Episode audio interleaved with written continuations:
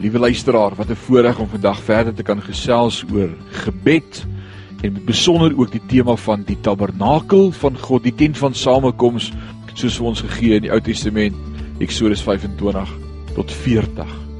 Die eerste stap in gebed.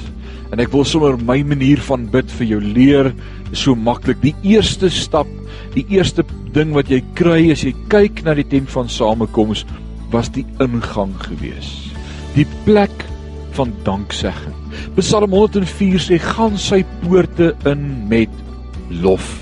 Nou die tabernakel was 'n tentstruktuur van 13,7 meter by 4,6 meter en was omring deur 'n heining en daardie erfgedeelte was so 45 by 22 meter gewees.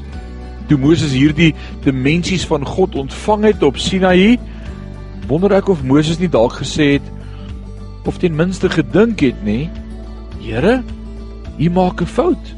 Daar is 3 miljoen mense in die kamp wat op die pad is na die beloofde land.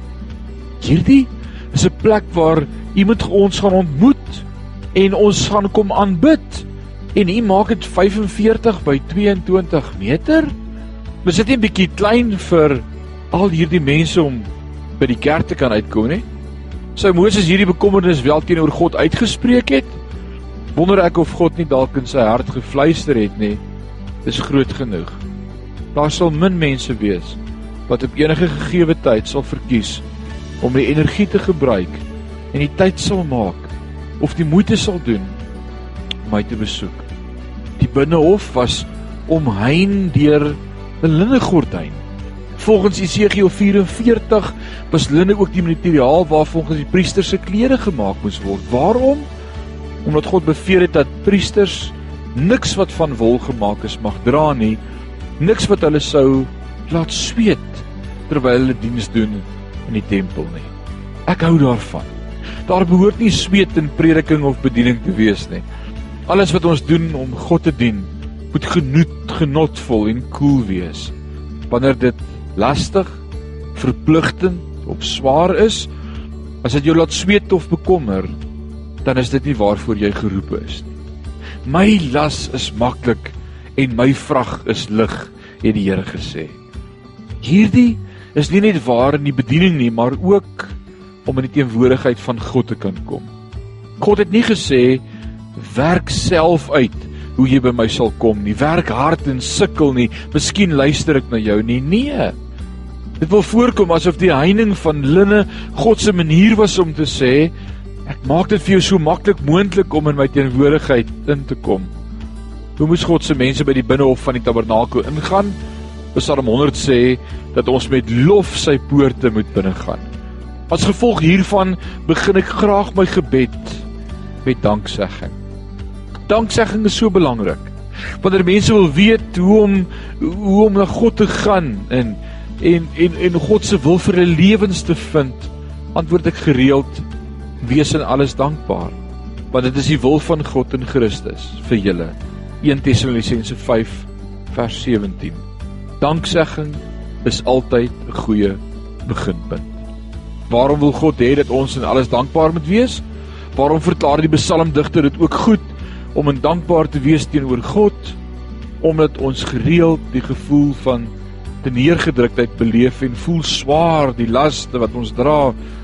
Die oplossing vir die onderdrukking van depressie is nie om pille te drink nie, maar om dankbaar te wees teenoor God. Begin hier God te bedank vir spesifieke dinge.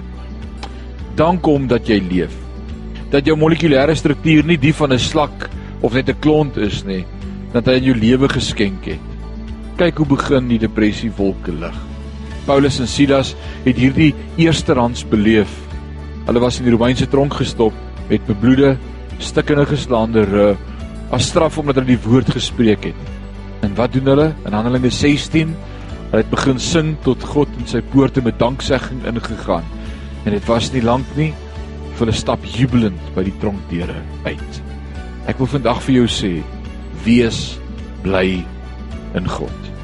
Eerste Tessalonisense 5 vers 18 sê vir ons dat ons in alles moet dankbaar wees en hiermee saam leer Efesiërs 5 vers 20 ons ook om dankbaar te wees vir alles. 'n goeie begin. As ek en jy begin bid, stap 1 is om vir die Here te sê dankie. Kan ons saam bid en vir hom sê dankie? Kom ons bid. Ewige God en Hemelse Vader, vandag wil ons opnuut 'n oomblik stil word en ons wil kom dankie sê. Dankie vir alles wat ons so vrylik uit U hand ontvang het. Dankie vir ons gesondheid. Dankie vir ons gespaarde lewens. Dankie vir 'n dak oor ons kop. Dankie vir voedsel. Dankie vir 'n warm bed waarin ons vanaand kan slaap. Dankie vir die goedheid en die guns van God wat elke dag so mildelik oor ons reën. Dankie vir u genade. Dankie dat u 'n plan het met ons lewe. Dankie, dankie, dankie.